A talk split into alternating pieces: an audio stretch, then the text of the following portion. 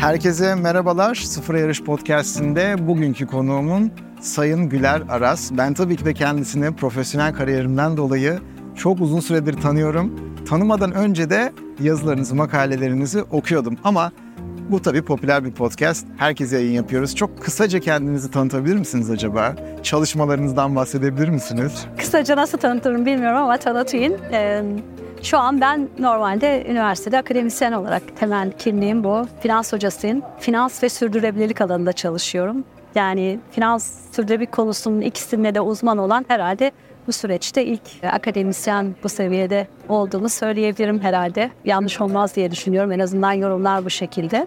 Ağırlıklı olarak bu konularda araştırmalar yapıyorum, çalışmalar yapıyorum. Bu konularda e, olabildiği kadar farkındalığı artırmak üzere çalışmalar yapıyorum. Bu benim şapkamın bir tanesi tabii. İkincisi de biraz daha sivil toplum boyutuyla alakalı çalışıyorum. Bunun boyutunu yani bu farkındalık çalışmalarının boyutunu biraz genişletebilmenin yolu beni bir çatı altında bunu yapmak ve daha çok paydaşla birlikte bunun sesini yükseltmeye çalışmak. Entegre Raporlama Derneği'nin hem kurucusuyum hem şu anda yönetim kurulu başkanlığı yapıyorum. Bunun dışında tabii bir, işin bir de işletmeler boyutu, şirketler boyutu evet, var. Çok önemli bir üçüncü boyut. Üçüncü boyutta şirketlerle birlikte özellikle yönetim kurulu boyutunda bu konuların çalışılmasına destek olmaya çalışıyorum. Kendimin yönetim kurulu olduğu şirketlerde bir dönüşüm yaratmak için elimden geleni yapıyorum yapabildiğim kadarıyla. Dolayısıyla yani akademi, bilim, araştırma kısmı, işte sivil toplum artı iş dünyası. Yani benim idealim zaten buydu yıllardır. Yani tek başına sadece bilimin de kimin için ne için yapıldığı konusu sorgulanır biliyorsunuz. Tabii. Yani Dolayısıyla bunun bir topluma da kurumlara da bir faydasının olması gerekiyor. Ben hayatım boyunca bunu yaptım. Yani her yaptığım şeyin bir gerçekten arkasındaki araştırma sorusunun bir şeysi vardı. Muhatabı tarafı. Yani ya bir sorun çözecek ya bir insanın ya bir toplumun işte kurumun ihtiyacını karşılayacak mutlaka böyle bir hedefle yola çıkıyorum. Çünkü hem zamanımız hem kaynaklarımız çok kıt. Biz farklı ülkelerdeki insanların imkanlarına, zamanlarına, kaynaklarına sahip değiliz. Dolayısıyla bu emeği, bu çabayı çok konsantre bir şekilde gerçekten hedefe amaca yönelik kullanmak gerekiyor. Benim ömür boyu hedefim bu oldu. Ve bu çerçevede de ben akademiye ilk başladığım yıllar tabii daha rutin işte işin sürecinde işte ne yapmak istiyorsunuz? İşte okulu bitiriyorsunuz, master yapıyorsunuz, doktora yapıyorsunuz. O süreç daha çok ben finansal ekonomist olarak yetiştim. Finans, Hmm. finans e, master'ı, ekonomi bankacılık doktorası. Tam böyle makro ve mikroyu aslında birleştirmeyi öğrendim. O benim çok çok işime yaradı temelde. Ve oradaki hem, hem mikroda hem makrodaki boşlukları, ihtiyaçları keşfetmek anlamında. Bir de bir dönemde şeye başladım. Akademinin ilk yıllarında bunlar 90'ların sonlarına doğru diye düşün. Böyle piyasa dışı davranışlar, şirketlerin sorumluluklarıyla alakalı. Evet. Ben oradan zaten sizin Evet, yazılarınızda yani o- tanıştım. Evet yani gerçekten onu böyle biraz büyük bir cesaret işiydi. Yani bu konular biraz böyle dokunulması da hani çok böyle kolay olmayan konular. Hani bir şekilde bunun gündeme gelmesi bile insanları acaba mı diye rahatsız ettiği için çok böyle çok da dikkatli davranan birisiyim. Kimseyi bilmediğim hiçbir şekilde hiçbir gündemi ortamda açmamaya çalışıyorum ama hani bunun içerisinde bir e, iş etiği de giriyor, sosyal sorumluluk da giriyor, hı. sorumlu yönetim anlayışı da giriyor, işte kurumsal yönetim konusu da giriyor. Yani konuya ben işte 90'ların sonunda bu şekilde başladım ve tabii ki sürdürülebilirlik ifade kelimesi o dönem daha telaffuz dahi Yoktu değil mi? Yani işte dünyada 80'lerin sonunda zaten başladı. Türkiye'de de Tü- henüz daha Türkiye'de çok- gerçekten Ha. gündeme gelmemiş. Daha çok biz sosyal sorumlulukla başladık konuya. Daha sonra bu governance, kurumsal yönetimle devam etti. Benim kariyerimde de çalışmalarım öyle devam etti zaten. Ondan sonra bu resimde sürdürülebilirlik olduğu için zaten şimdi de herkes alıştığı için bu konular hani Evet. bu bütünün içerisinde ele alınmıyor. Hali hazırda bütünün içerisinde bunlar da söz konusu ama yapacak yani her şeyi büyük resmi görüp o büyük resmin içindeki gereklilikleri yerine getirmek olarak düşünmek gerekiyor. Ben de hep bütün şeyimde, düşüncemde hani büyük resmi göreceksiniz. Yani sorunu bilseniz tek başına çözümüne ulaşmak için, sorunu bilmek çözümüne ulaşmak demek anlamına gelmiyor. Değil. Yani sorunu bilseniz de onun çözümü aslında bu çevresiyle de alakalı ağırlıklı olarak. Dolayısıyla büyük resmi görüp o büyük resmin içerisinde nedir mesele ve onun çözümü için nelere aslında ihtiyaç var konusunun peşinde gitmek gerekiyor. Yani Hı o yüzden de işte işletmeyi, kurumları, içindeki fonksiyonlara da çok iyi bilmek gerekiyor. O yüzden gerçekten iş dünyası ve iletişim çok çok çok faydalı. Çok önemli. Ee, yani böyle kitaplarda olmuyor. Evet. Klasik bir ifade olacak ama yani kitaplarda da öğrenilmiyor. Çok net. asla öğrenilmiyor. Gerçekten elinizi hani taşın altına koymak, o masanın başında olmak, birlikte çalışmak, o riski almak, Evet. kararların içinde olmak ve onların sorumluluğunu almak Tabii. bambaşka bir şey. Bir de tabii o kitaplardan öğrendiğimiz diyelim akademide bilimde öğrendiğimizde iş dünyasına kattığımız zaman ki gerçek anlamda etkisi var mı yok mu deneylemek inanılmaz bir şey. Hmm. Yani e, biliyorsunuz biz finansta teoriler yani işte diğer şeyler önce hani Amerikalı finansçılar geliştirmiştir zaten bütün teorileri. Önce şirketlere giderler, deneyleri yaparlar. Çok sayıda şirketler o konuları işlerler, çalışırlar, sonuçlarını görürler. Sonra teoriler yaratır. Teoriler Doğru. masa başında yaratılmaz. Yani Doğru. oturup daha bu böyle olsun, hadi işletmelerde uygulasın. Böyle bir dünya yok. Olanı açıklamak Aynen için. ama işte burada da şunu görüyorsun işte teorilere geçmiş, deneylenmiş ve kitaplara geçmiş bir konunun iş dünyasında hala geçerliliğini ne olduğunu görmeye evet. çalışıyorsun. Çok çok müthiş bir deneyim gerçekten. Hani gerçek anlamda e, hani business işte iş dünyası için yaptıklarınız gerçekten onların işine yarıyor mu? Ya da Evet. kullanılıyor mu veya ne şekilde kullanılıyor? Genellikle de bu şöyle olur. Ben öğrencilerime de hep söylerim. İşte X teorisi, teorinin adı vardır. Hani alengirli de bir attır. Kimse de hatırlamaz. Bir kere öğrenirsiniz sonra muhtemelen unutursunuz. Aslında şirkette yaptığınız, aldığınız kararlar, süreçler o teoriye uygun işler ama adını kullanmazsınız. Ee, Aa, bu buna göre yapıyor diye biz bunu hemen realize ederiz. Aa, bu yöntemi kullanmış demek ki. Arkası planda bu mindset var, bu düşünce tarzı veya bu da yaklaşım var.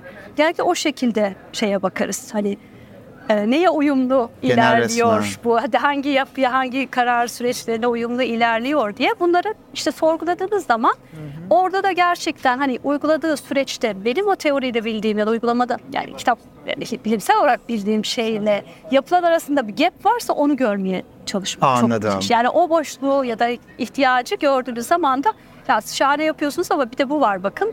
Bunu da yaparsanız tamamen tamamlamış olacaksınız o gibi. E, dolayısıyla bu kitabi bilgiler diyelim, bilimsel bilgilerle iş dünyası arasındaki bağın bu şekilde kurulması çok önemli. Tabii bu benim tabii finans ve ekonomi alanında yıllarca bunu yapmışlığım var ama sonuçta sürdürülebilirlik konusu bambaşka bir boyut kazandı biliyorsunuz. Hani yani sadece ekonomi finansın dışında işte çevre, toplum, insan, insanla çalış işte iş yaşam dengesi vesaire pek çok konu. Ve işin içine teknik boyut da girdi. işte e, çalışanlarla ilgili boyuta girdi ve dolayısıyla çok disiplinler arası bir şey. Yani finan, fi- bir şekilde hani siz bir anda finans ve ekonomiye odaklı ve sadece zamanınızı ona ayırırken bu kadar geniş bir pencereden çalışma alanınızı genişletmek müthiş bir cesaret işi. Yani çok disiplin arası çalışmayı ve düşünmeyi gerektiriyor. Ben Amerika'da bulunduğum zaman pek çok üniversite bana davet gönderdi konuşmak için. Sebebini de söyleyeyim çok net. Hem tamam araştırmalarınızı sunuyorsunuz ama esas ikinci yani gittiğim zaman bir research sunuyorsunuz. Sonrasında bütün akademi, genç akademisyenleri, doktor öğrencileri, oradaki akademisyenlerini toplayıp bu entegre yaklaşımla bu kadar şeyi nasıl bir arada yani bağlantılı ama bütünsel olarak anlamlı bir şekilde yapabiliyorsunuz. Çünkü hani biliyorsunuz yani herkesin bir zamanı ve bir gücü var. İşte bir yere kadar yapabiliyorsunuz. Olayın içerisine farklı konular girdiği zaman ekstra efor zaman gerektiriyor, bilgi gerektiriyor, okumak, araştırmak gerekiyor. Ee, bu konuda çok disiplinler arası, çok multidisipliner bir konu ve bunların bir birler arasında da bağı var. Hani işte çevre ayrı ya da insan ayrı, toplum ayrı, finans ayrı değil, ekonomi ayrı değil. Artık tamamen komple, tamamen büyük bir resmin bütünleyicisi.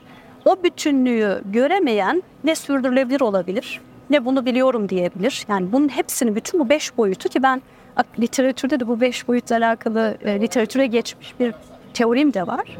Yani tüm bu beş boyutun birlikte düşünülerek bu sürecin yürütülmesi halinde bu konuda başarıya ulaşıldı. Dikkat edersen bu sene en çok konuştuğumuz konu finans. Bu seneki kadar çok konuşmuyorduk. Sürdürülebilirlikle finansı bu kadar yan yana kimse getirilmez. Benim yıllardır şöyle söylediğim şey budur. Yani para yoksa, kaynak yoksa siz ne toplum için, ne kendiniz için, ne insan için, ne işte dönüşüm için değerli bir şey yapmanız mümkün değil. Yapamazsınız. Yani gücünü isteğiniz olsa bile onu o kaynağı yaratmadığı sonra gücünüz yetmez ya da işte istediğiniz boyutta yapamazsınız. Kar etmek de gerekiyor. Karlı bir şirket olmak da çok kıymetli. Bu da bir başarı ama bu karın edinildiği süreçte de sorumlu bir şirket anlayışıyla bunu yapmak önemli. Zaten söylemeye çalıştığım şey o. O yüzden de benim bir finans hocası olarak bu konularla ilgilenmem çok ilgi alaka gördü ve çok değerli bulundu. Ve ben de çünkü hep ayakları yere basan şekilde yaklaştım. Çünkü gerçekliklerden uzaklaşmadan, ihtiyaçların tam ne olduğunu bilerek, hani tabiri caizse çok e, gereksiz ütopik şeylerin Evet, peşinde evet. koşmadan, neyin olup neyin olabilmeyeceğini, olamayacağını bilerek, neye ihtiyacımız olup yani onun nasıl sağlanacağı konusunu düşünerek ilerledim. O da beni tabii ki birazcık daha bu konuların bütünsel olarak anlama düzeyini çok yukarıya taşıdı. İnsanlar da buna gerçekten değer verdiler. Onlara da tabii ki teşekkür ediyorum bu süreçte. 10 tane falan soru çıktı şu an hocam kafamda. Ama zamansal olarak da çok az bir vaktimiz olduğu için podcast'te bir tanesini sorabileceğim. Ama sizden de bir söz alabilirsem sonrasında Esmiyor podcast'te davet konusunda o soruları da orada sorarım. Tek sorum hocam şu. Aslında farklı e, farklı konuları soracaktım ama bir tek şunu da eklemek istiyorum. Bir finanse etmediğiniz zaman, para kaynağı yaratmadığınız zaman dönüşüm zor olmakla birlikte o kaynak dünyada olduğu zaman o kaynağın gideceği yolları da birazcık direkte etmeniz gerekiyor. Eğer doğru direkte edebilirseniz işte uluslararası politikalarla o zaman da dönüşüm olabiliyor. Hocam şunu soracaktım. Burada e, Amerika'daki çalışmalarınızdan da bahsettiniz. Burada gelişmiş ekonomiler yani gelişmiş kelimesi belki doğru olmayacaktır ama belli bir e, kişi başına düşen milli gelir seviyesine ulaşmış ülkeler ve geliş o noktaya gelme çabasında olan ve belki de öyle o noktaya hiç gelemeyecek en az gelişmiş least developed countries arasında uçurumlar olduğunu görüyoruz bu noktada. Siz bu ve bu uçurum aslında COP28'deki yok o demiş bu bunu demiş Sultan Haber şunu demiş bunu demiş. Ya onlar güzel magazinsel magazinsel haber olur ama bunların hepsinin altında 100 yıldır 200 yıldır gelen o derin ayrılıkların burada böyle yavaş yavaş ayrıldığını görüyoruz. Sizce bu köprü sürdürülebilirlikle kurulabilecek mi? Veya sürdürülebilirlik bu köprüyü kur yani o iki uçurum arasındaki köprüyü kurabilecek sağlam temellere sahip olur mu? Siz nasıl Ya gözlemliyorsunuz? en azından bu çabaların bir ve sonucunu da takip etme sürecine girdiğimizi düşünüyorum. Geçen sene biliyorsunuz COP e, bir gün geç kapandı. Evet. Kayıp ve hasar fonu ile alakalı bir türlü anlaşılamadığı için tamamen bu konu içinde o. Yani bir e, ava- dezavantajlı olan ülkelerin ihtiyaçlarını karşılamak üzere, destek olmak üzere oluşturulan fon ve bu fona para koyacak ülkeler kim koyacak, ne kadar koyacak, Evet. ne zaman ve kime alok edecek bunlarla ilgili bayağı tartışıldı ve bir gün geç kapandı. Evet. Bu sene birazcık daha işte bunun genişletildiğini ve nasıl kullanılacağına dair somutlaştığını görüyoruz. Yani her sene bir miktar ilerleniyor. Umarım geri getirmez o ayrı mesele ama tabii herkes şunun farkında. Yani burada bir adalet mekanizması söz konusu ve burada bir adalet mekanizmasının şu, şu yıllar, bugün yıllara kadar sağlıklı işlemediği de çok net. Yani pek çok gelişmiş ülke bu şu anda destek bekleyen gelişmekte olan ülkelerde coğrafi arbitrajla bir sürü üretimini orada gerçekleştirdi. Çok doğru. Doğayı kirletti, işte çevreyi kirletti, işte bir şekilde oraları kullandı ve oradan zenginleşti. Doğru. Şimdi diyorsunuz ki o ülkelere siz bizim kadar sorumlu olun. Sakın emisyonlarınızı yükseltmeyin. Peki siz yükseltirken onlar fakirleşti ve siz zenginleşirken onlar hala fakir. Bu aradaki gefi kim kapatacak? Doğru.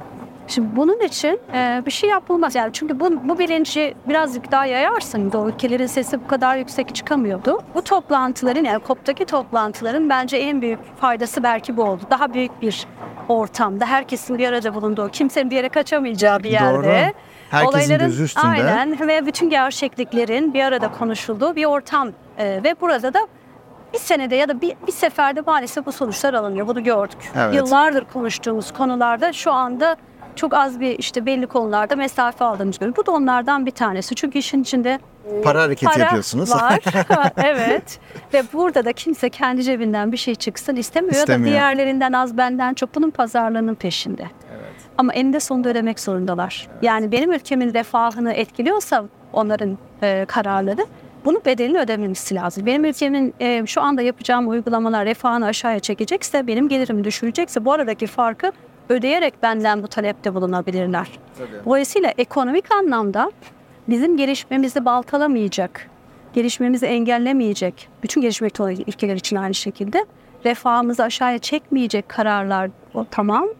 Eğer bu kararları biz uyacaksak da uymamız gereken süreçteki maliyetleri birilerinin paylaşması gerekiyor. Evet. Bunu yapmadıkları sürece hiçbir şeye ulaşılması mümkün değil. Çünkü insanların kendi ihtiyaçları varken onların dediklerini dedike etmek, e, dedike ettiklerini uygulamak zorunda kalmak mümkün değil. Zaten uygulanabilir de olmayacak. Bir süre sonra herkes kendi ihtiyacını karşılamak derdinde olacak.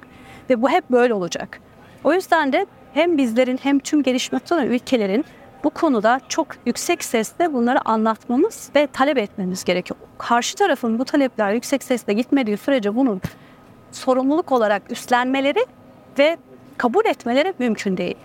Bunun dozunu her sene artıra artıra ne gerekiyorsa alacağız ve dünyayı iyileştirmek istiyorsak da herkes o bedeli ödeyecek. Yani zenginleşen zenginleştiği zaman ki süreçteki yaptığı hataların, sorumsuz davranışların bedelini bugün ödeyecek. Evet. Bunu ödetmediğimiz sürece bizlerden bir şey alamazlar.